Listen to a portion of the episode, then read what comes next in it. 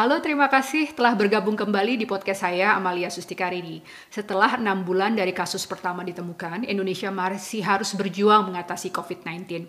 Podcast kali ini menghadirkan Riki Rahman Permana, salah seorang survivor COVID-19 yang aktif membagikan pengalaman saat menjalani perawatan dan memberikan edukasi tentang COVID-19 ini. Riki lahir di Bandung 20 Oktober 1990 dan menyelesaikan pendidikan S1-nya di jurusan Ilmu Komunikasi Universitas Paramadina dan saat ini bekerja sebagai analis keimigrasian ahli pertama di kantor imigrasi kelas 1 khusus Soekarno-Hatta. Saya telah terhubung dengan Riki di Jakarta untuk berbincang-bincang tentang beragam aspek seputar penanganan COVID-19 ini, seperti tentang kondisi tenaga medis, kesehatan mental, dan stigma yang dihadapi oleh para pasien dan survivor, dan upaya pemerintah untuk menyelaraskan antara aspek ekonomi dan kesehatan dalam penanggulangan wabah ini. Mari simak perbincangan kami berikut ini.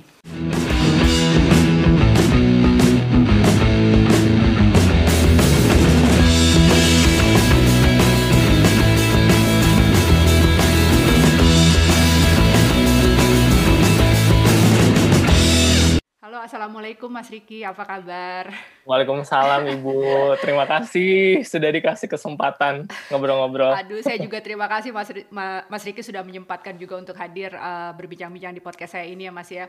Saya mengamati Sama-sama. dari awal nih waktu Mas Riki mulai apa memberi surat untuk Pak Jokowi saat okay. itu ya waktu masih dalam perawatan saya yeah. Iya. uh, merasa apa sangat kagum ya dengan upaya Mas Riki karena sebagai pasien waktu itu masih pasien dan survivor ya Mas Riki berusaha juga untuk uh, apa berkomunikasi dengan pejabat pejabat pemerintahan ya untuk bisa Betul. mengkomunikasikan kondisi Mas Riki saat itu dan setelah uh, alhamdulillah uh, pulih ya dinyatakan pulih dari COVID Mas Riki pun masih terus aktif memberikan edukasi dan menceritakan juga pengalaman ya uh, melalui berbagai platform kepada masyarakat karena rasanya penting banget ya Mas Riki ya apalagi kita sekarang masih fighting terus nih Indonesia ya menghadapi iya, COVID-19 iya. ini ya Mas Riki ya iya, iya betul dan okay. menurut saya pribadi yang lebih powerful itu justru mm -hmm. ketika diceritakan oleh pasien nah, mantan betul, pasien betul sekali betul gitu jadi orang bisa tahu sisi emosionalnya dan mm -hmm. emang tahu kondisi realnya gitu betul, betul, makanya betul. saya terus coba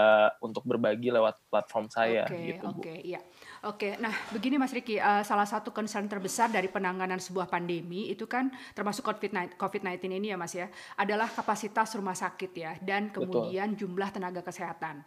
Sebetulnya pandemi ini bisa dikelola dengan baik apabila jumlah uh, rumah sakit gitu, kapasitas rumah sakit dan kemudian tenaga kesehatan itu uh, berimbang gitu kan ya, uh, proporsional. Nah, yang menjadi problem itu kan apabila kemudian jumlah uh, kapasitas uh, rumah sakit dan tenaga medis ini kurang kurang dibandingkan penderita dari uh, pandemi ini atau Betul. virus uh, virus ini ya termasuk COVID-19 ini. Nah, Mas Riki kan alumni alumni COVID-19 ya waktu itu iya. dirawat di Rumah Sakit Gunung Jati Cirebon Gunung ya. Jati Cirebon uh, betul. sebagai rumah sakit rujukan waktu itu ya. Waktu itu rumah sakit rujukan pertama, pertama di okay. Kabupaten ya okay. di Cirebon. Iya, berapa lama Mas Riki saat itu? Saya 47 hari. Aduh, 47 hari sekitar satu setengah bulan ya. Aduh, iya, ya betul. saya nggak kebayang deh itu harus menjalani masa apa fase isolasi tersebut ya. Dan tentunya dalam masa perawatan tersebut Mas Riki punya uh, apa ber, berinteraksi langsung dan mengamati langsung uh, bagaimana uh, rekan-rekan tenaga medis ini uh, berjuang gitu. Mereka kan sebagai uh, sebagai barisan yang berada di paling depan ya Mas Riki ya menangani COVID-19 ini. Dan kemarin kita uh, prihatin uh, akan banyaknya jumlah korban yang jatuh dari tenaga yeah. kesehatan ini. Waktu itu sudah 100 ya sudah 100, 100 betul dokter. Bu di Indonesia ini baru dokter yeah. ya Mas Riki ya. Yeah tenaga kesehatan seperti uh, perawat itu belum dihitung gitu kan ini tentunya sebuah yeah, kehilangan yeah. besar ya dalam dunia kesehatan kita Mas Riki boleh ceritain nggak sih gimana uh, kondisi tenaga medis di rumah yeah. sakit pada saat Mas Riki dirawat waktu itu Mas iya mm -mm. uh, cerita sedikit yeah, flashback okay. jadi kalau boleh diceritakan mm -hmm. saya tuh alumni batch pertama Bu COVID bisa yeah. dikatakan seperti itu karena yeah. jumlah pasien di Indonesia pada waktu saya sakit itu belum mencapai 100. Okay. Gitu. Hmm. Saya tuh ingat saya masuk dan dinyatakan positif tuh jumlah pasien masih 60-an di Indonesia. 60 okay. Masih 60 dan saya sempat nanya saya itu kalau urutan di Indonesia tuh urutan berapa sih, ranking berapa gitu istilahnya. Tapi mereka bilang kita nggak tahu karena datanya okay. memang tidak ada gitu. Okay. Tapi saya pasien 01 waktu itu di Kabupaten Cirebon oh, 01 gitu. di Kabupaten Cirebon. Betul. Okay. Nah, yang saya lihat pada waktu itu uh, kalau kita ingat-ingat pada waktu itu adalah sejujurnya tidak ada yang siap menghadapi namanya wabah ini, Bu. Ibarat kita mau perang, saya benar-benar ngelihat di lapangan bagaimana tenaga medis, para dokter, kemudian uh, tim COVID-19, gugus tugas waktu itu ada COVID-19, dinas kesehatan, itu seakan-akan menghadapi hal yang baru. Mereka mungkin sebelumnya sudah tahu ya Bu, sudah ancang-ancang dari bulan Januari, Februari bahwa ada wabah ini. Tetapi ketika satu pasien masuk ke ruang saya waktu itu iya, iya. tengah malam masuk uh ruang isolasi itu geger. Maksudnya geger tuh dalam arti kata ini apa yang harus kita lakukan? Bagaimana dengan APD uh, siapa yang menjaga di ruang sini? Mm. di ruang unit isolasi satu gedung okay. isolasi itu. Okay. ditempatkan di ruang mana? Bagaimana uh, eh, SOP keluarga menjenguk dan lain-lain? Okay. itu nggak ada prakteknya hmm. gitu loh bu. Jadi mungkin selama ini mereka tahu bahwa juklaknya teknisnya harus seperti ini ini ini. Tetapi ketika saya masuk itu benar-benar saya ngelihat bahwa wah kita sedang menghadapi perang, mm-hmm. tapi kita banyak yang belum siap, belum ready pada waktu itu. Yeah. Siap nggak siap sebenarnya kita harus menghadapinya. Cuma waktu itu saya lihat dari tenaga medis yang dimajukan pun pada mm. waktu itu yang merawat memang yang muda-muda bu. Mm-hmm. Kenapa bukan yang tua-tua? Karena memang resikonya juga betul, besar kalau misalkan betul, perawat iya. yang tua yang merawat kita kita. Jadi yang waktu mm-hmm. itu dimajukan adalah para nakes-nakes yang memang berusia muda. Okay. Tetapi ada kekurangannya. Mm-hmm. Mereka yang berusia muda itu memang kadang-kadang kan kurang pengalaman ya Bu, okay. kurang jam terbang sehingga okay. dalam hal merawat pasien itu yang saya rasakan pada waktu itu adalah uh, memang agak berbeda dengan perawat yang senior Ada gitu. senior ya. Nah, itu ada satu kejadian yang saya nggak bakal pernah lupa. Jadi saya tuh rajin sekali donor darah Bu hmm. biasanya. Ibu tahu kan jarum do, jarum donor darah itu segede apa yeah. gitu kan. Uh. Tapi kalau memang disuntikan dengan benar itu kita nggak akan ya iya, sakit iya, tapi biasa iya. aja gitu kan. Mm-hmm. Untuk pertama kalinya saya diambil darah dan itu saya harus gigit gigit sakitan uh, ya. Iya, uh-uh. saya harus gigit uh, bantal karena itu sakit oh, banget okay. gitu.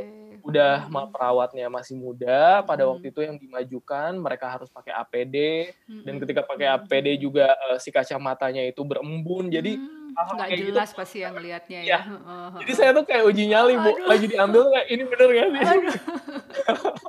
Jadi banyak hal-hal okay, okay. seperti itu yang saya lihat. Kemudian hmm. dari dokternya juga ketika misalkan saya tanya bahwa dok kenapa saya lama sekali sembuhnya? Hmm. Apa yang menyebabkan virus ini bertahan di tubuh saya? Hmm. Dokternya pun pada waktu itu memberikan jawaban bahwa kita juga bingung mas gitu Nah, saya sebagai pasien mendengar jawaban orang yang saya Betul. harapkan bisa memberikan jawaban, dia tidak bisa memberikan jawaban karena menurut beliau riset masih terbatas, informasi soal virus ini masih terbatas. Kita masih belum tahu karakteristik virus ini. Jadi pada waktu itu kondisinya benar-benar kaget istilahnya. Hmm. Kita dapat satu bom dan kita kaget banget banget waktu itu di Indonesia apalagi di Cirebon ya Bu istilahnya yeah, yang bukan yeah. daerah epicentrum betul, gitu kan betul. Hmm, itu hmm, hmm. kondisinya pada waktu itu. Oke jadi tadi ada uh, kekagetan gitu ya uh, yang Betul. ketidaksiapan yang sebetulnya berawal dari uh, shock ya kekagetan karena ini benar-benar sebuah peristiwa yang unprecedented ya uh, Mas Riki yeah. ya jadi walaupun uh, uh, SOP semua apa prosedur sudah disiapkan tapi begitu ada pasien uh, masuk real itu Betul. terlihat uh, apa ya para nakes kita juga masih mencari-cari bentuk seperti apa Betul. sebetulnya uh, perawatan Betul. yang tepat ya.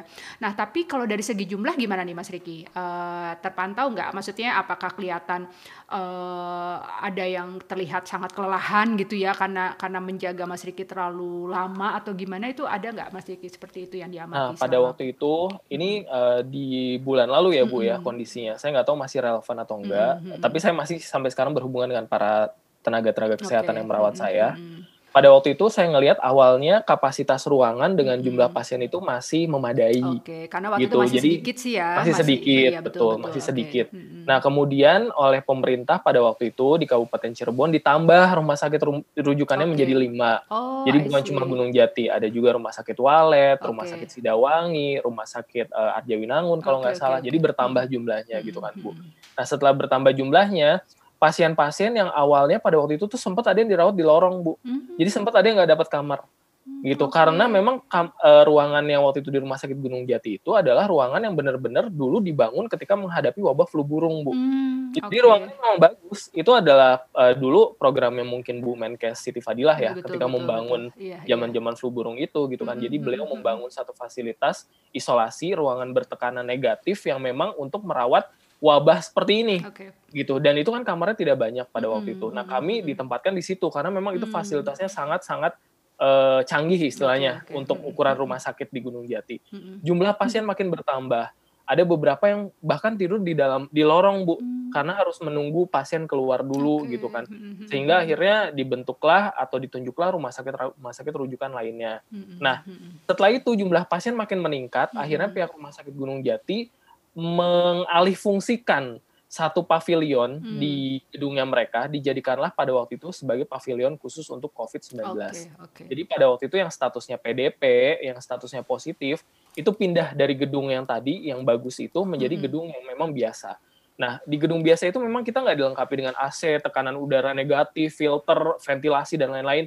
Itu benar-benar kayak bangsal, kayak bangsal biasa, biasa ya? pada uh, hanya dilengkapi fasilitas uh, apa namanya kipas angin, hmm, kemudian hmm, ada kamar mandi dan lain-lain.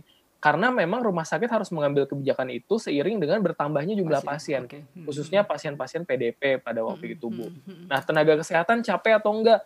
Yang saya amati adalah pertama mereka juga harus menyesuaikan, Bu. Penggunaan APD itu sangat tidak nyaman betul, ya. Betul. Apalagi itu ruangannya di gedung yang baru itu bukan ruangan ber-AC. Hmm. Jadi saya sering banget ngelihat mereka itu sampai keringatnya itu benar-benar keluar dari dari tangan yeah, gitu loh. Benar-benar karena panas banget saya aja ya, saya aja istilahnya yang di rumah sakit kegerahan kadang-kadang kalau gerah tuh saya suka buka baju gitu loh bu mm -hmm. gitu itu aja mereka sedangkan mereka harus pakai berlayer-layer yeah. berlapis-lapis mm -hmm. jadi yang saya lihat kelelahannya di situ mm -hmm. dari satu dari fisiknya dari psikisnya mereka juga lelah karena lelah tuh dalam arti gini eh, pertama pasien terus bertambah mm -hmm. masyarakat bandel banget padahal mm -hmm. mereka tuh di dalam tuh kita ngelihat bahwa ada orang yang meninggal yang hari ini masuk besok meninggal, yang hari ini masuk malamnya meninggal, itu kan secara psikis tuh mereka kayak ya Allah seandainya masyarakat tahu apa yang terjadi di dalam sini gitu kan.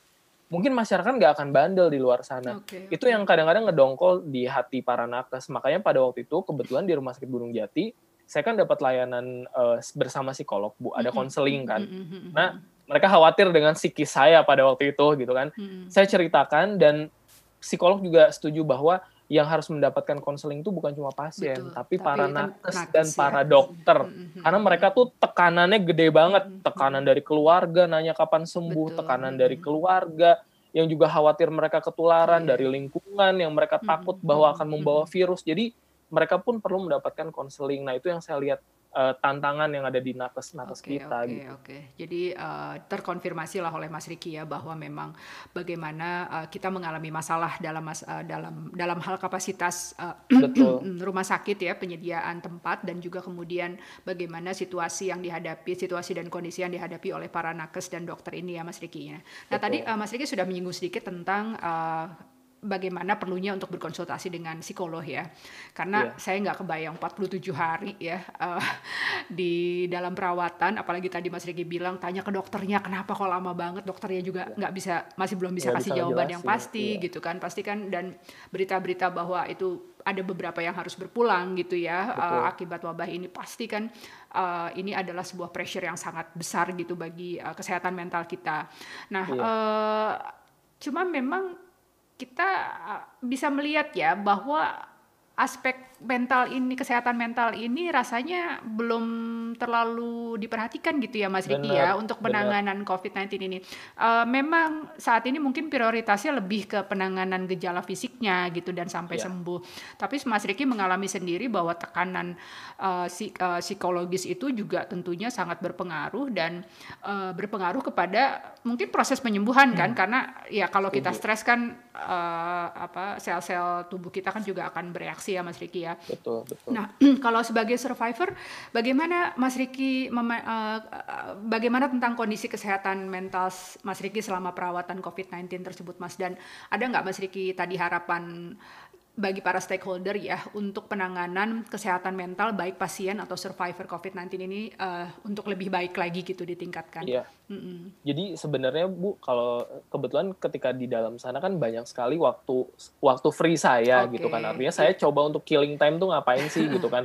Akhirnya saya juga baca pada akhirnya panduan protokol dari uh, Kementerian Kesehatan hmm. yang dikeluarkan oleh mereka di websitenya gitu kan. Hmm. Nah setelah saya pelajari memang porsi pengobatan yang mengarah pada pendekatan psikologis itu masih sangat kecil see, pada waktu okay, itu. Iya, iya. Jadi kita masih fokus untuk mencari apa obat yang paling ampuh Betul. untuk mengatasi virus ini. Jadi mm -hmm. bagian medisnya tuh kita masih istilahnya kalau uh, dari skala 100% pengobatan medisnya itu itu hampir 90%. Hmm. Sementara 10 persennya itu adalah sisi psikologis, psikologis yang kadang itu pun terlupakan. Hmm. Nah, pada waktu itu ini sebenarnya hanya hipotesis dokter aja Bu di Rumah Sakit Gunung hmm. Jati. Artinya hmm. saya pasien hmm. paling lama Uh, mungkin secara mental juga saya memang berkonsultasi banyak sih Bu dengan dokter, dengan pada waktu itu humas rumah sakit.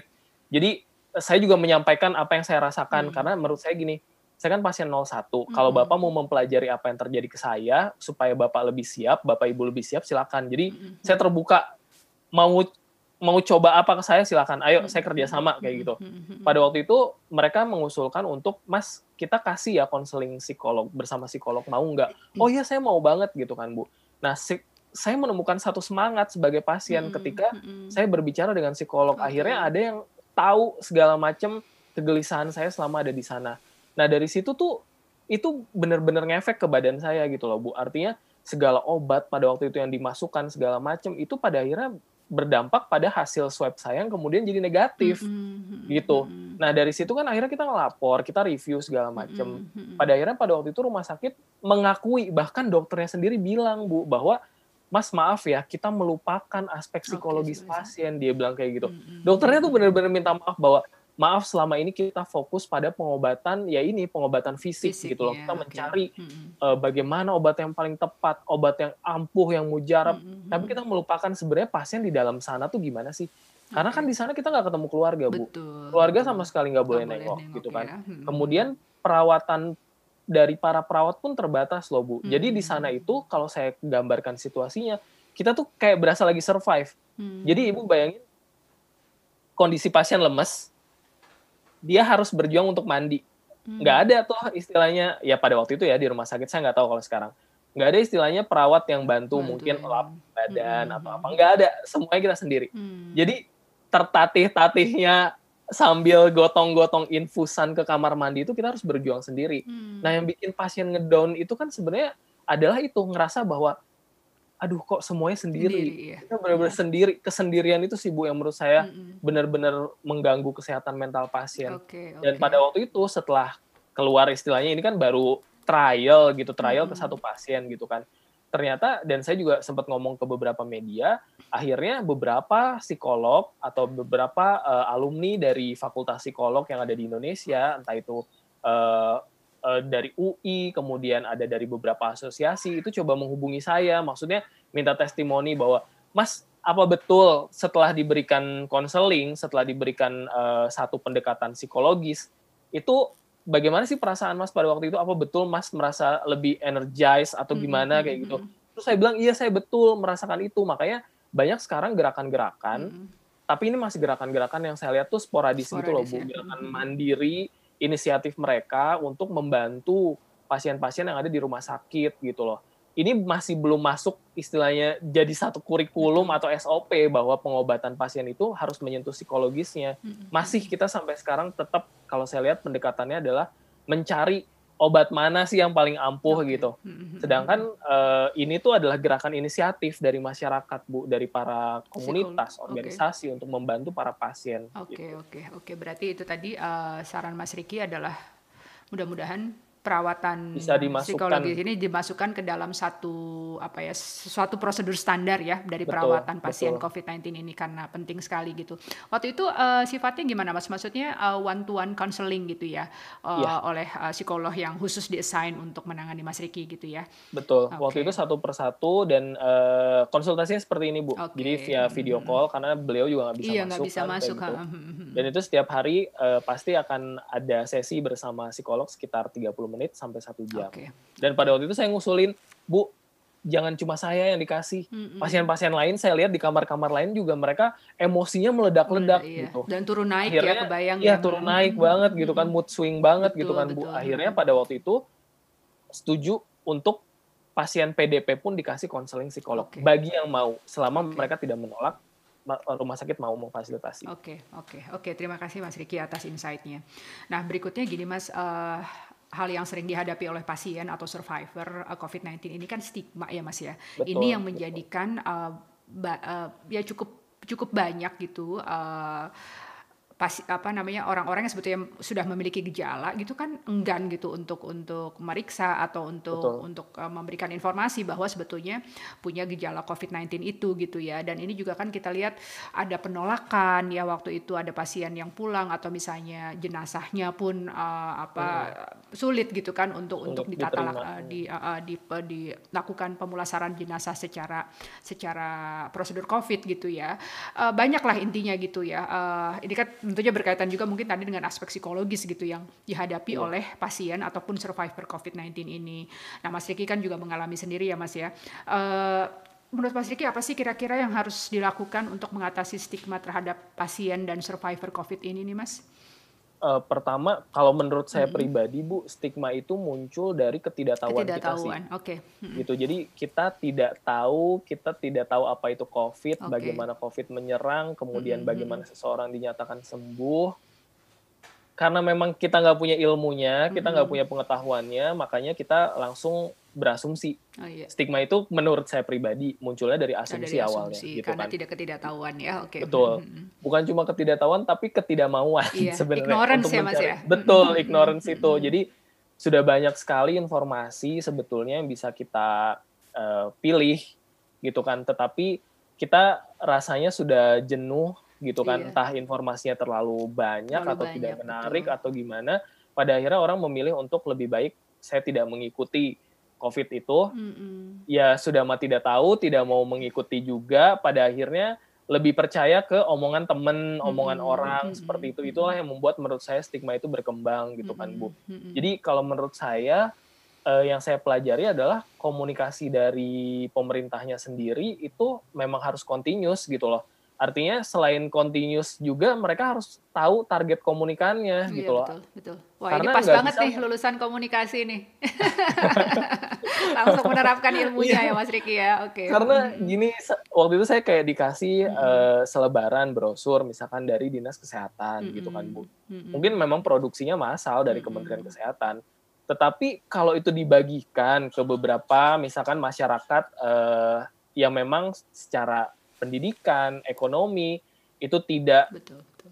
tepat, betul, betul, ya itu kan betul, ketinggian bahasanya iya, gitu iya, loh bu. Iya, Kita betul, me exactly, iya. mengartikan ya kan istilah-istilah seperti suspek, suspek tuh apa sih iya, sebenarnya? Uh, uh, uh, Orang dinyatakan suspek tuh kayak gimana sih penggunaan bahasa serapan dan lain-lain kan itu sebenarnya berpengaruh ke tingkat betul, pemahaman betul, juga betul, gitu kan. Betul. Terus pendekatan komunikasinya juga menurut saya uh, kita selalu menyampaikan data statistik gitu loh. Mm-hmm. Selalu statistik-statistik, tapi kita nggak pernah menyentuh sisi emosional seperti misalnya apa yang kita lakukan tuh sebenarnya ber, berdampak loh. Uh, jadi ya. tindakan kita itu berdampak kepada orang lain. Sebagai contoh kita nggak pakai masker, mungkin kita bisa jadi inang ya.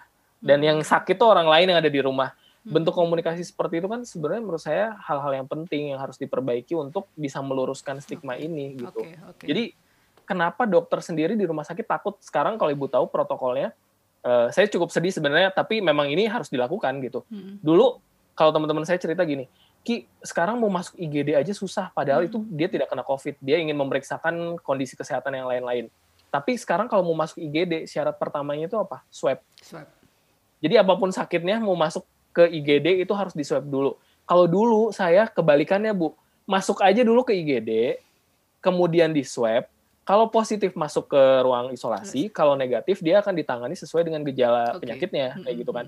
Tetapi dulu itu banyak pasien yang tidak jujur. Hmm. Jadi mereka tidak mau menceritakan ke dokter yeah, misalkan, oh ya saya baru ya. pergian dari luar negeri, saya baru berkontak dengan misalkan orang asing atau hmm, apa. Hmm, hmm. Mereka menyembunyikan itu gitu sehingga banyak yang jadi korbannya itu adalah yaitu yang kena positif dokternya, iya, kemudian perawat-perawat sehingga akhirnya sekarang takut dibaliklah protokolnya hmm, gitu. Hmm, hmm, itu kan salah satu bentuk yaitu tadi Bu ignorance masyarakat okay, okay. terhadap COVID ini. Gitu. Oke okay, oke. Okay. Jadi kembali lagi ke literasi itu tadi ya Mas Riki ya, ya penyadaran uh, literasi masyarakat tentang COVID-19 ini. Dan tadi poin Mas Riki menarik sekali bahwa uh, pesannya itu harus disesuaikan dengan penerima pesan gitu ya. Betul, Jadi bahasanya betul. jangan ketinggian nih gitu. Jadi uh, apa uh, disesuaikan dengan kelompok-kelompok masyarakat yang men, uh, yang menerima pesan tersebut.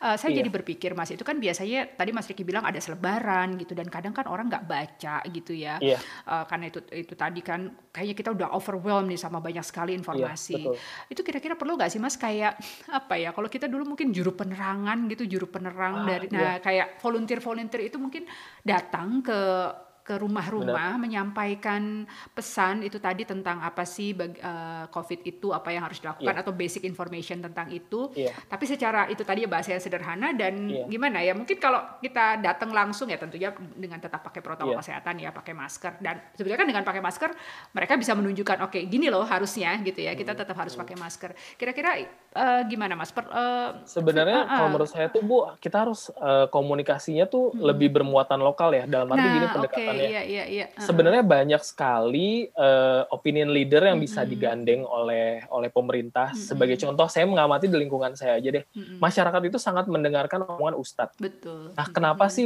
Pak Ustadz Pak Ustadz ini tidak mungkin menjadi salah satu perpanjangan tangan dari pemerintah mm-hmm. untuk membantu supaya masyarakat tuh lebih disiplin. Mm-hmm. Misalnya kita masukkanlah muatan-muatan muatan-muatan agama yang Betul. ada dalam dalam dalam Islam gitu mm-hmm. terhadap penanganan COVID. Seperti contoh gini bahwa mencuci tangan, menjaga kebersihan, bersih sebagian, sebagian dari iman, dari iman ya. itu kan relate iya, banget kan betul, Bu betul. kayak gitu. Iya, iya. Terus misalkan uh, orang tua uh, bisa kasih bukan saya nggak tahu ini benar atau enggak tapi istilah-istilah kayak dulu tuh ada pamali mm-hmm. pamali loh kalau misalkan ini segala macem gitu nah mm-hmm. maksud saya harusnya bisa sih dimasukkan muatan-muatan itu ke bahasa komunikasi karena okay. yeah, yeah. di beberapa daerah ada orang yang sangat mendengarkan betul, sekali betul. para pemuka agama gitu kan bu okay. jadi kadang-kadang tidak tepatnya di situ nah ini juga kejadian bu mm-hmm. jadi ketika waktu itu saya dirawat mm-hmm. dan orang tua juga menghubungi dinas kesehatan mm-hmm. karena mereka ingin mengklirkan stigma yang ada di lingkungan saya, pada waktu itu orang dinas kesehatan datang. Kita berharap sebenarnya mereka bisa memberikan edukasi gitu kan ke ibu-ibu, ke warga sekitar gitu kan, entah bagaimana lah teknisnya. Waktu itu mereka datang dengan menggunakan mobil, eh, entah ambulan atau mobil dinas, kemudian ada si speakernya itu. Nah, muatan komunikasi yang ditangkap oleh ibu saya itu hanya hanya jangan lupa pakai masker, cuci tangan segala macam. Hmm. Jadi mereka mobil itu keliling-keliling kompleks segala hmm. macam kayak gitu. Jadi hanya hanya pakai masker, cuci hmm. tangan kayak gitu. Jadi ya itu sih gampang banget dilupakan gitu loh menurut saya. Harusnya tidak seperti itu sih, harusnya ada format-format lain yang lebih okay. efektif.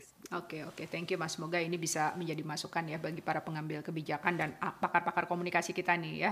Uh, oke, okay, nah selanjutnya tadi kan uh, yang Mas Riki sampaikan adalah pasien yang tidak mau membuka uh, informasi tentang dirinya gitu yeah. ya. Nah sekarang dibalik nih, bagaimana dengan kerahasiaan data pasien nih mas gitu ya? Yeah. Karena untuk di beberapa negara ya termasuk di sini ya di Australia ini kan sebetulnya private eh, data data pasien itu adalah yeah. sebuah hal yang sangat private ya. Itu yeah. wah pokoknya uh, urusannya panjang lah kalau misalnya sampai harus dibuka gitu loh.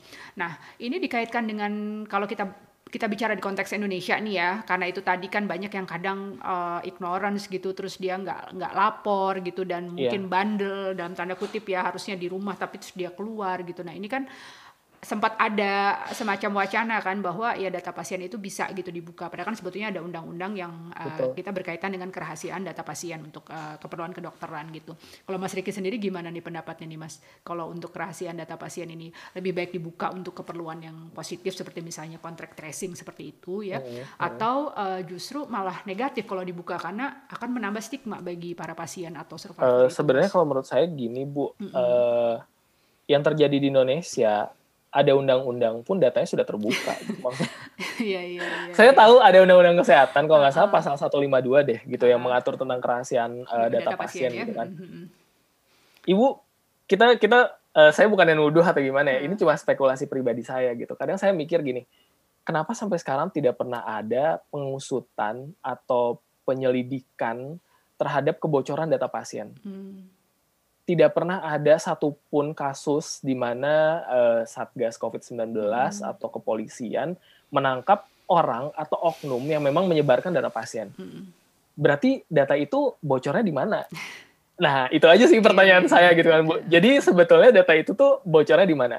Karena kalau data itu bocornya oleh beberapa oknum, harusnya sudah dikejar. Mm -hmm. Gitu. Maksudnya oknum yang di luar di luar tim ini ya, Bu ya. Tetapi ini datanya sampai sekarang banyak keluhan-keluhan diangkat ke berbagai media, ke acara TV dan lain-lain tapi nggak ada follow up-nya gitu loh. Padahal Jadi itu adalah sebetulnya bentuk pelanggaran undang-undang ya yang betul, harus diusut betul, gitu ya. Okay. Betul, hmm. tapi nggak ada, nggak ada sama hmm. sekali gitu loh. Jadi kita sebagai pasien pun sangat menyayangkan sebenarnya bahwa data kita tuh bisa bocor tuh hmm. ceritanya gimana sih pihak rumah sakit juga nggak hmm. bisa menjelaskan kemudian dari dinas kesehatan juga nggak tahu siapa yang membocorkan hmm. dan lain-lain jadi kita tuh udah harus berjuang melawan Betul. penyakit melawan sisi psikologis. Mm-hmm. Kesel pula kita dengan perlakuan yang kita dapat bahwa kok data bisa bocor segala macam.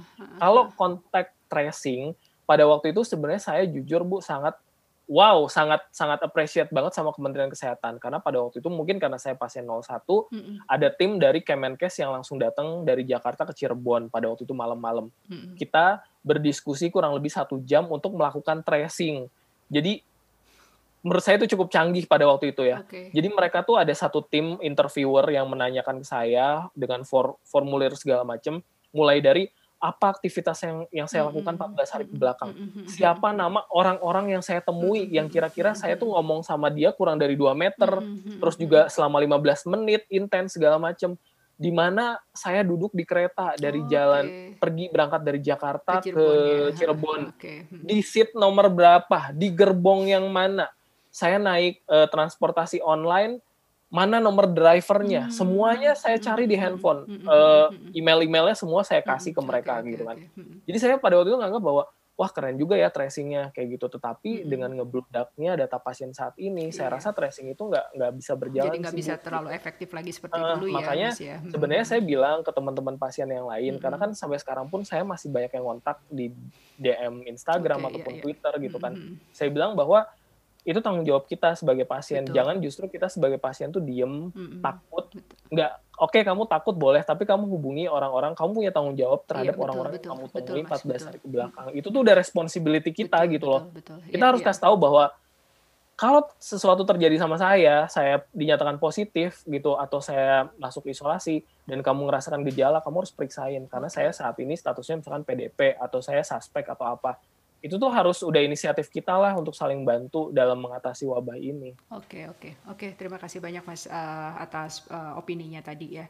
Nah ini sekarang lagi ramai lagi nih mas ya tentang gimana DKI mulai memperlakukan PSBB lagi karena jumlah kasus itu kelihatan terus meningkat kan dan sudah berapa bulan inilah terjadi pro kontra di tengah masyarakat kan uh, dengan rencana pemerintah untuk waktu itu melonggarkan PSBB ya gimana bahwa ekonomi harus juga perlahan gitu harus digulirkan kembali karena uh, ya agak sulit juga bertahan ya uh, perekonomian kita dengan kondisi uh, apa namanya PSBB yang semuanya tentunya aktivitas perekonomian itu sangat terbatas gitu loh. Dan debat-debatnya cukup seru ya, mana sih harus diutamakan hmm. ekonomi dulu atau kesehatan dulu. Kesehatan nah, dulu. ini Mas Riki tentunya paham sekali sebagai pasien ya, sebagai survivor gitu bagaimana kemudian uh, melihat eh, kebijakan-kebijakan uh, pemerintah dalam dalam menangani hal ini gitu. Uh, iya. Apakah gimana nih Mas?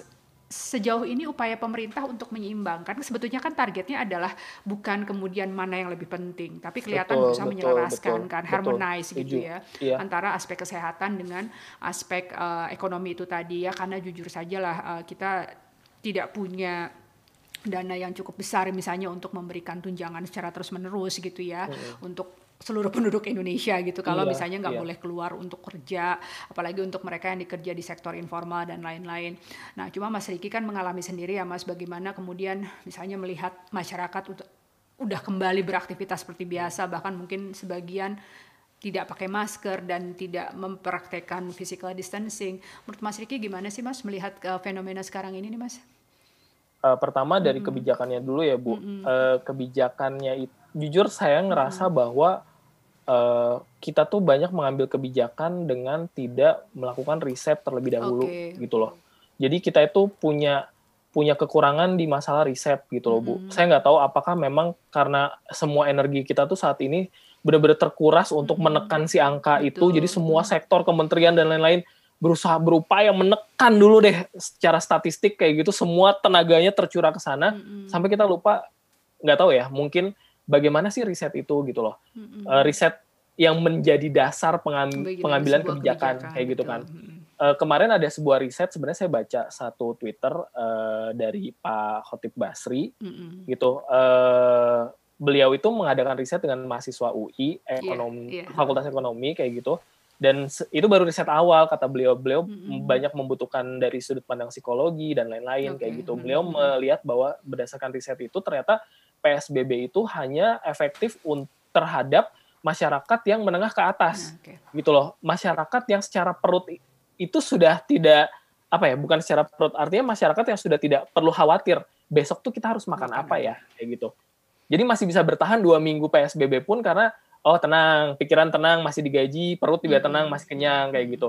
Itu hanya bertahan bagi masyarakat golongan menengah ke atas. Sedangkan bagi masyarakat golongan menengah ke bawah, PSBB itu tidak akan efektif. Efektif-efektif paling lama tuh lima hari kalau berdasarkan penelitian beliau. Oh, Karena setelah lima hari kembali lagi ke habit awal gitu loh. Oke, mereka takut bahwa ih takut itu tetangga kita ada yang meninggal. Sebagai manusia kita takut melihat itu, tetapi sebagai nah ini aspek psikologisnya sebagai makhluk sosial kita nggak tahan dikerem yeah. 14 hari isolasi di rumah nggak ke mana-mana aja kayak gitu apalagi mereka-mereka yang punya tanggung jawab untuk bekerja mencari nafkah dan lain-lain jadi kalau saya ngelihat kayak kebijakannya memang memang sih bu ini jadi banyak pro kontra banget ya tetapi menurut saya pribadi saya pribadi sebagai yaitu alumni covid jujur saya setuju dengan PSBB jilid 2 ini gitu kenapa karena ini uh, bukan kebijakan politis menurut saya. Ini sudah melihat bahwa kematian itu bukan angka statistik, Betul. gitu loh. Kematian satu orang itu real, itu bukan angka statistik yang oh hari ini oh hari ini berkurang ya kematiannya gitu. Kita nggak ngomongin kematian sebagai sebuah data, tapi ini hal yang real gitu loh itu terjadi dan gimana caranya kita menyetop angka kematian itu dari hari ke hari gitu kan. Okay. Jadi mm-hmm. saya kali ini jujur setuju dengan adanya PSBB jilid 2 yang ada di Jakarta karena betul-betul pada akhirnya kita mengevaluasi lagi bahwa selama ini banyak sekali ternyata pelanggaran-pelanggaran yang dilakukan. Mm-hmm. Dan pada akhirnya kayak kita tuh membuka mata bahwa new normal itu justru mengakibatkan lonjakan gitu dan sudah saatnya kita membenahi lagi. Jadi momen PSBB ini sebenarnya adalah momen pembenahan di banyak sektor Bu gitu. Di kementerian okay. pun pada akhirnya Menpan RB mengeluarkan lagi aturan bahwa kementerian harus melihat zonasi dari COVID-19. Jadi kementerian atau instansi jumlah pegawai yang masuk mm -hmm. itu disesuaikan dengan zonasinya. Kalau merah itu berapa persen karyawan yang boleh masuk, okay. kalau di zona kuning berapa persen yang boleh masuk. Karena akhir-akhir ini kan klaster yang terbentuk adalah klaster perkantoran. Betul, betul, gitu. betul sekali Mas ya. Banyak sekali yang pada akhirnya dengan momentum PSBB ini tuh banyak yang pada akhirnya mengevaluasi kebijakan-kebijakannya iya, iya. lagi. Okay, Dan menurut okay. saya itu cukup jadi satu turning point mudah-mudahan bisa membalikan keadaan ini. Oke okay, oke. Okay. Tadi juga poin Mas Riki tepat sekali ya bahwa semua pengambilan kebijakan sebetulnya harusnya didasarkan pada riset yang hati-hati ya Mas ya. Uh, yeah. Walaupun ya kita dalam kondisi uh, terburu apa ya. Sekarang kan kita kayaknya memang dituntut untuk uh, bertindak cepat, cepat gitu ya iya. uh, para pejabat pemerintah pun tapi tetap tidak bisa melupakan riset ini tadi. Tapi satu hal sih Mas ya soal misalnya kemudian PSBB diberlakukan lagi, kemudian dilonggarkan lagi. Ini sepertinya karakteristik beginilah karakteristik pandemi ini ya karena kan kita nggak tahu ya uh, apa namanya gimana trennya gitu setelah Betul. di apa kalau setelah beberapa beberapa measurement dilonggarkan apakah impactnya ke jumlah pasien akan seperti apa gitu. Nah ini sebenarnya saya amati yang terjadi di Australia lah. Itu kan negara bagian Victoria di mana Melbourne kan Mas Diki yeah, juga kan Melbourne. kan pernah ya. Itu apa terjadi lonjakan kasus lagi ya dikencengin lagi gitu kan. Betul. Sampai bahkan sampai ada curfew gitu loh. Jadi uh, tapi kemudian setelah melandai lagi kurvanya perlahan-lahan di uh, di apa dibuka kembali lagi, gitu. Iya ya, betul. Jadi memang uh, saya pikir sih uh, ya untuk sampai uh, vaksin ditemukan ya akan seperti ini polanya gitu ya Mas Riki ya. Betul, Tapi ya itu tadi tetap harus berdasarkan pada riset dan mungkin bisa melihat pola kan sebetulnya patternnya bisa yeah. dibikin gitu seperti apa yeah, kebijakannya. Yeah. Oke, Karena memang penelitian hmm. terhadap virus ini masih terbatas betul, dan masih terus bergulir betul, betul kan.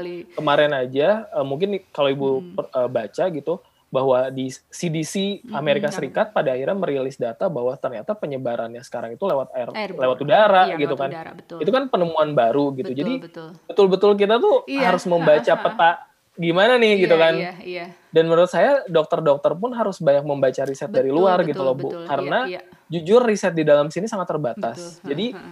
saya beruntung ketemu dokter-dokter mereka di Cirebon, tapi hmm. mereka tuh membaca risetnya tuh dari Singapura okay. gitu loh, Bu. Hmm. Bahkan saya suka dikirimin WhatsApp sama beberapa dokter dari Cirebon hmm. gitu. Mereka ngirimin WhatsApp, "Mas, baca nih jurnal." Oke. Okay. Saya kadang-kadang kayak mencerna, aduh, banyak banget nih istilah kedokterannya gitu kan. tapi sebenarnya bisa di-googling, cuma kan kayak apa sih nih intinya mau nggak mau kan saya baca oh ternyata di Singapura tuh seperti ini ya gitu okay, okay, jadi hal-hal seperti itu keaktifan dokter dan lain-lain hmm. dalam menghadapi update-nya dokter dalam menghadapi COVID ini juga diperlukan iya, sih Bu. Oke, okay. ya itu tadi Mas Riki bilang ya bahwa uh, apa ya tambahan karakter dari wabah ini kan selalu akan ada penemuan baru gitu ya, iya. ha, gitu. Iya. Jadi itu tadi sebelumnya bukan airborne, droplet aja ternyata benar airborne. Iya. Nah, ini kan iya. membutuhkan apa ya, semacam kesadaran saintifik dari kita ya, Mas Riki ya, bahwa betul. ya yang dibilang dua bulan yang lalu tidak berarti akan terus berlaku sampai sekarang gitu kan betul, karena betul. sains memang kan terus berubah kan kalau ada betul. penemuan baru mungkin bisa akan uh, dibangking dari penemuan berikutnya gitu dan ya mudah-mudahan sih walaupun memang kadang kan kita apa ya agak susah menerima uncertainty seperti ini ya kok iya, kesannya kayak iya. mencela kan tadinya iya. tadinya kayak gini kok sekarang kayak gini tapi iya. kan sebetulnya ini adalah proses pembelajaran kita menjadi masyarakat yang lebih apa uh, menghargai sains itu ya dan prosesnya Betul. gitu ya Mas Riki ya. Oke. Okay. Nah, ini agak-agak keluar dari topik uh, Mas Riki sebagai survivor hmm. nih. Saya tertarik karena Mas Riki kan kerja di imigrasi ya Mas ya. Iya. Di sektor imigrasi nih. Nah, imigrasi ini kan tentunya terkait erat dengan upaya penanganan Covid ya Mas ya. Karena mobilitas orang dari satu negara ke negara lain kan adalah salah satu sumber utama transmisi virus-virus ini kan. Dan Betul. hampir di semua negara itu salah satu hal yang pertama dilakukan adalah nutup perbatasan gitu ya dari orang dari negara lain atau pengetatan gitu. Nah sebelumnya kan kewaspadaan jajaran imigrasi terhadap arus keluar masuk orang ini kan mungkin lebih titik keberatannya ke aspek keamanan nih mas ya seperti Betul. yang kita tentunya paham sekali ya untuk misalnya kasus transnational crime atau terorisme gitu. Nah sekarang uh, beda nih concernnya jadi uh, penyakit gitu dan kesehatan. Yeah. Nah gimana nih Mas Riki ini selaku jajaran imigrasi gitu ya melihat apa bagaimana shifting ini gitu loh concern yeah, dari yeah. imigrasi gini terhadap ancaman utama pada saat ini. Mm -mm. Ini menarik sih Bu, mm -mm. maksudnya ini personal opinion saya mm -hmm. gitu ya. Mm -hmm. uh, yang saya tahu memang sedari awal saya bergabung di imigrasi. Mm -hmm fokus terbesar kita itu adalah perlintasan orang perlintasan atau perlintasan orang. manusia okay. keluar masuk wilayah Indonesia okay. gitu. Hmm. Jadi imigrasi itu melakukan fungsi pengawasan, hmm. melakukan fungsi uh, keamanan juga itu terhadap orang. Jadi subjeknya itu okay. udah jelas di Undang-Undang Keimigrasian bahwa yang kita jaga itu adalah orang keluar masuk wilayah Indonesia hmm. gitu kan.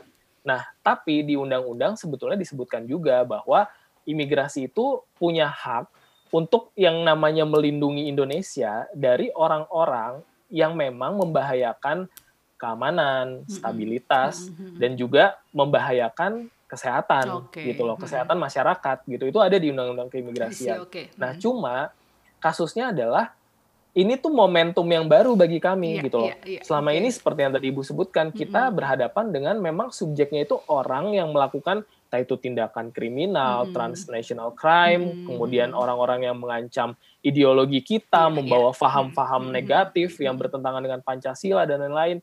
Kita benar-benar berhadapan dengan orang-orang yang ada fisiknya gitu istilahnya, yang memang mereka melakukan hal-hal yang bisa berpotensi merugikan negara kita. Hmm. Nah saat ini, ini benar-benar baru bagi kami di mana yang kita hadapi itu adalah virus, virus yang masuk ke badan orang iya, dan okay. itu membahayakan keamanan kita gitu kan Bu. Mm-hmm. Nah untuk menghadapi itu sebetulnya kita tidak bisa bekerja sendiri. Nah saat ini kan di di bandara sendiri kan yang menjadi layer pertama yeah. itu adalah teman-teman dari Kementerian Kesehatan. See, okay. Jadi mereka adalah men, mereka adalah orang yang pertama kali ditemui oleh para pasien ketika oh sorry oleh para penumpang ketika landing di perlintasan kita. Salah satunya seperti saya ambil contoh di Bandara Soekarno Hatta. Hmm. Jadi yang mereka temui duluan itu bukan petugas imigrasi, Betul. tapi adalah jajaran Kementerian Kesehatan hmm. yang clearance dulu melakukan proses clearance, apakah seseorang itu dinyatakan sehat hmm. atau tidak, okay. layak atau tidak masuk ke wilayah Indonesia. Hmm. Nah, setelah mereka dinyatakan layak, mereka memegang bukti health certificate, mereka juga memegang bukti kayak okay to flight atau apa segala macam baru mereka melalui imigrasi, okay. di mana kami melakukan proses pengecekan dokumen perjalanan, apakah orang tersebut itu boleh masuk ke wilayah Indonesia atau tidak. Okay. Nah, jadi kalau diamati secara logikanya seperti itu.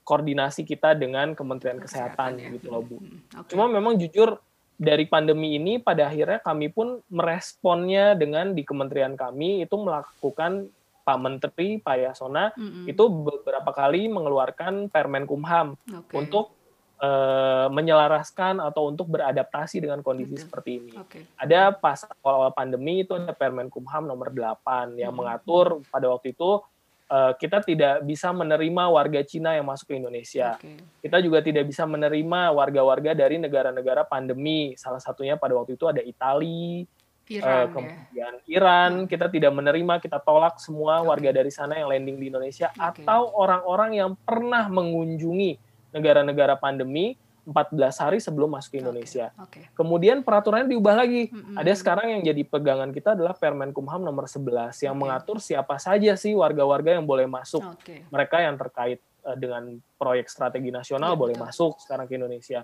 Jadi kita pun menyesuaikan sih Bu dan menurut saya ini kajian yang sangat menarik ya di mana mm-hmm. pada akhirnya kita melihat bahwa kejahatan atau bukan kejahatan, ancaman yang mengancam Indonesia itu bukan hanya orang, organisasi internasional atau uh, imigran gelap dan lain-lain.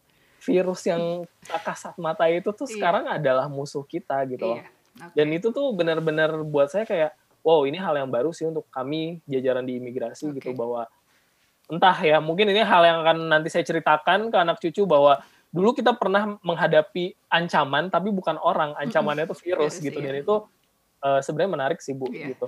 Ditulis buku Mas, nanti saya salah satu yang pertama oh. yang daftar beli. Oke, okay, uh, eh, sekarang yang terakhir nih Mas, uh, pesan Mas Riki nih buat teman-teman. Uh, Mas Riki sebagai survivor COVID, uh, tolong dong Mas kirim pesan buat teman-teman di Indonesia khususnya nih gimana apalagi itu tadi ya trennya ya kita masih tetap harus berjuang nih sebagai bangsa untuk menghadapi COVID-19 ini gimana mas pesan-pesannya buat teman-teman di Indonesia nih mas? Uh, pertama mungkin saya berharap banget banyak yang nonton podcast ini siapa pun ya Bu. Iya, Kalau iya, misalkan uh -huh. yang nonton ini adalah pasien dan keluarga uh -huh. pasien, uh, pesan khusus dari saya adalah uh, saya tahu ini berat ini berat sekali baik itu bagi keluarga baik itu bagi pasien apalagi kayak hmm. gitu berat sekali ketika kita dapat istilahnya uh, cobaan untuk dapat si virus ini hmm. gitu loh yang perlu saya tekankan adalah uh, berusaha untuk kuat maksudnya kuat tuh gini kita jangan jangan jangan mengharapkan kita dipahami oleh orang lain okay. gitu loh jadi jangan jangan hmm, apa ya seolah-olah kayak kok kok gini, kok orang lain nggak iya. paham sama kita, kok gini, kok gitu, itu justru akan memperburuk keadaan. Tetapi cobalah untuk memahami diri kita sendiri. Okay. Kita perlu apa untuk bisa bangkit? Ayo kita usahakan gitu loh. Kalau kamu butuh bantuan, kalau keluarga butuh bantuan, bisa mengontak para okay. mungkin uh, COVID survivor lainnya yeah, untuk yeah. berbagi pengalaman. Mereka saya yakin akan sangat terbuka kayak gitu. Nah untuk teman-teman lainnya, masyarakat umum gitu kan yang di luar sana yang sehat, saya sih cuma mau berpesan gini bu, bahwa terserah, maksudnya gini, mereka mau menganut paham konspirasi atau bukan kayak gitu, bagi saya itu memang perbedaan pendapat masing-masing ya, tetapi hmm. selalu ingat bahwa kita tuh makhluk sosial. Okay. Apa yang kita lakukan berakibat itu ke orang lain ya. akan berakibat ke orang lain. Ada impactnya untuk orang lain, kecil atau besar pasti ada impactnya kalau nggak mau ada impactnya tinggal aja di hutan sendirian kayak gitu kan. Nggak akan kena impact buat orang lain kayak gitu. Jadi kalau kita masih nekat mungkin kitanya sehat tapi kita bisa jadi pembawa virus Betul. itu gitu. Dan dan sangat sangat sayang sekali sih gitu ketika ada anggota keluarga terdekat kita yang memang kena covid ini benar-benar apa ya seketika berubah deh kondisinya. Karena itu benar-benar kita survive banget bu di dalam ruang isolasi itu mau isolasi mandiri mau isolasi di rumah sakit tetap nggak enak jadi yeah. saat ini menurut saya sih patuhi aja semua protokol yang disarankan pemerintah gitu kan dengan mengurangi ya tadi mengurangi bepergian keluar rumah kalau nggak perlu mm-hmm. social distancing menggunakan masker, masker dan iya. lain-lain okay. jadi kan itu kebiasaan dan habit gitu dan jangan lupa untuk selalu mengupdate informasi karena uh, siapa lagi yang mau peduli dengan COVID ini kalau bukan kita. kita sendiri, ya. Dan untuk teman-teman nih di luar sana yang juga kita sama-sama ber apa berkesempatan mengenyam pendidikan lebih tinggi yeah. gitu kan Bu. Kita punya satu apa ya menurut saya kita punya satu responsibility untuk mengaplikasikan ilmu kita betul, gitu. Betul. Saya mungkin bidangnya komunikasi, jadi saya mencoba untuk gimana caranya ngomong soal COVID di platform saya dengan bahasa yang bisa dimengerti oleh teman-teman saya gitu kan. Jadi kita punya tanggung jawab sebenarnya sebagai orang-orang yang terdidik ini Oke, untuk dalam bidang ilmu kita masing-masing ya apa yang bisa Betul. kita kontribusikan ya Mas Riki ya. Oke. Setuju, ya. Bu. Oke, oke. Terima kasih banyak Mas Riki Rahman Permana, seorang survivor COVID-19 19, termasuk yang pertama di Indonesia ya atau di Cirebon. Terima kasih atas waktu berbaginya Mas. Uh, senang Sama-sama. sekali Mas Riki bisa uh, berbagi di podcast saya ini. Mudah-mudahan ini akan menjadi inspirasi untuk banyak orang dan juga tentunya masukan untuk uh, para pengambil kebijakan juga ya Mas Riki ya. Selalu sehat Mas. Salam untuk keluarga dan juga kolega di kantor. Tetap semangat. Salam sehat selalu Mas. Terima kasih banyak. Assalamualaikum warahmatullahi wabarakatuh. Waalaikumsalam. Sehat-sehat ya Bu. iya sama-sama Mas. Terima kasih. Demikian perbincangan saya dengan Riki Rahman Permana, salah satu penyintas COVID-19 tentang berbagai aspek dalam penanganan COVID-19 di Indonesia. Semoga bermanfaat sebagai penyampaian pengalaman, lesson learned, edukasi kepada masyarakat, dan aspirasi bagi para pembuat kebijakan. Subscribe channel ini untuk mendapatkan update episode baru dan menarik lainnya. Terima kasih dan salam sehat selalu.